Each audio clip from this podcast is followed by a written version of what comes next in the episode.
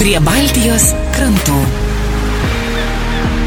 Laidos partneris Lietuvos jūrų muziejus.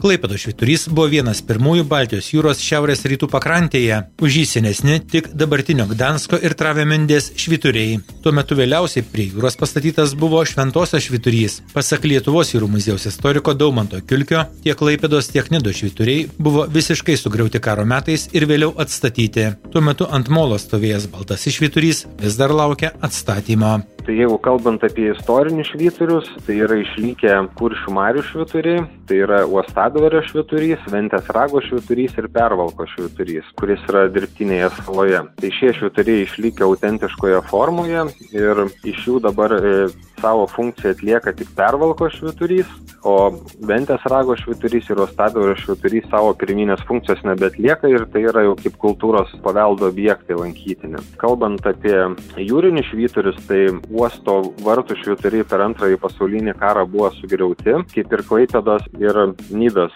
švyturiai, tačiau pastarieji du buvo atstatyti. E, Šventosios švyturys pastatytas 1957 metais. Tai raudonas keturbriaunis metalinių konstrukcijų statinys, esantis 780 m atstumu nuo jūros. Jo aukštis 39 metrai. Švyturio signalas atviroje jūroje matomas už 31 km. 2000 Šiais metais buvo atlikta kapitalinė švyturio rekonstrukcija, imta naudoti nauja ir moderni įranga. E, rūpiučio 19 dieną minima pasaulinė švyturių diena, kurios metu švyturiai kartais atveriami lankytojams. Šiai dienai visi keturi jūriniai švyturiai, tai yra Nydos, Juotkrantės, Klaipėdos ir Šventosios toliau veikia. Jie yra funkcionalūs ir iki šiol rodo laivams kelią tamsių ir dienos metu.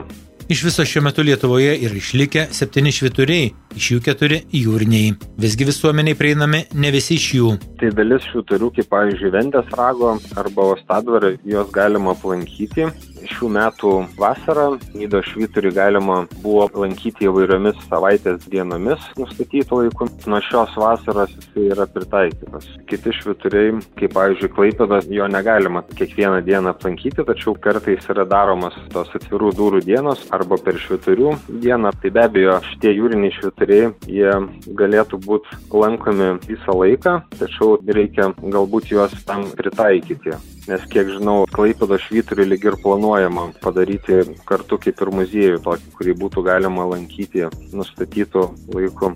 Neringos savivaldybė brandina idėją Nido švyturio kompleksui priklausančiuose pastatuose įrengti šviesos muziejų ir edukacinės erdves, o Urbo kalno papėdėje pastatyti eksponuoti buvusių ir esamų pajūrio bei pamario švyturių modelius. Tuo metu Lietuvos jūrų muziejus tai kol kas siūlo pamatyti tik nuotraukose.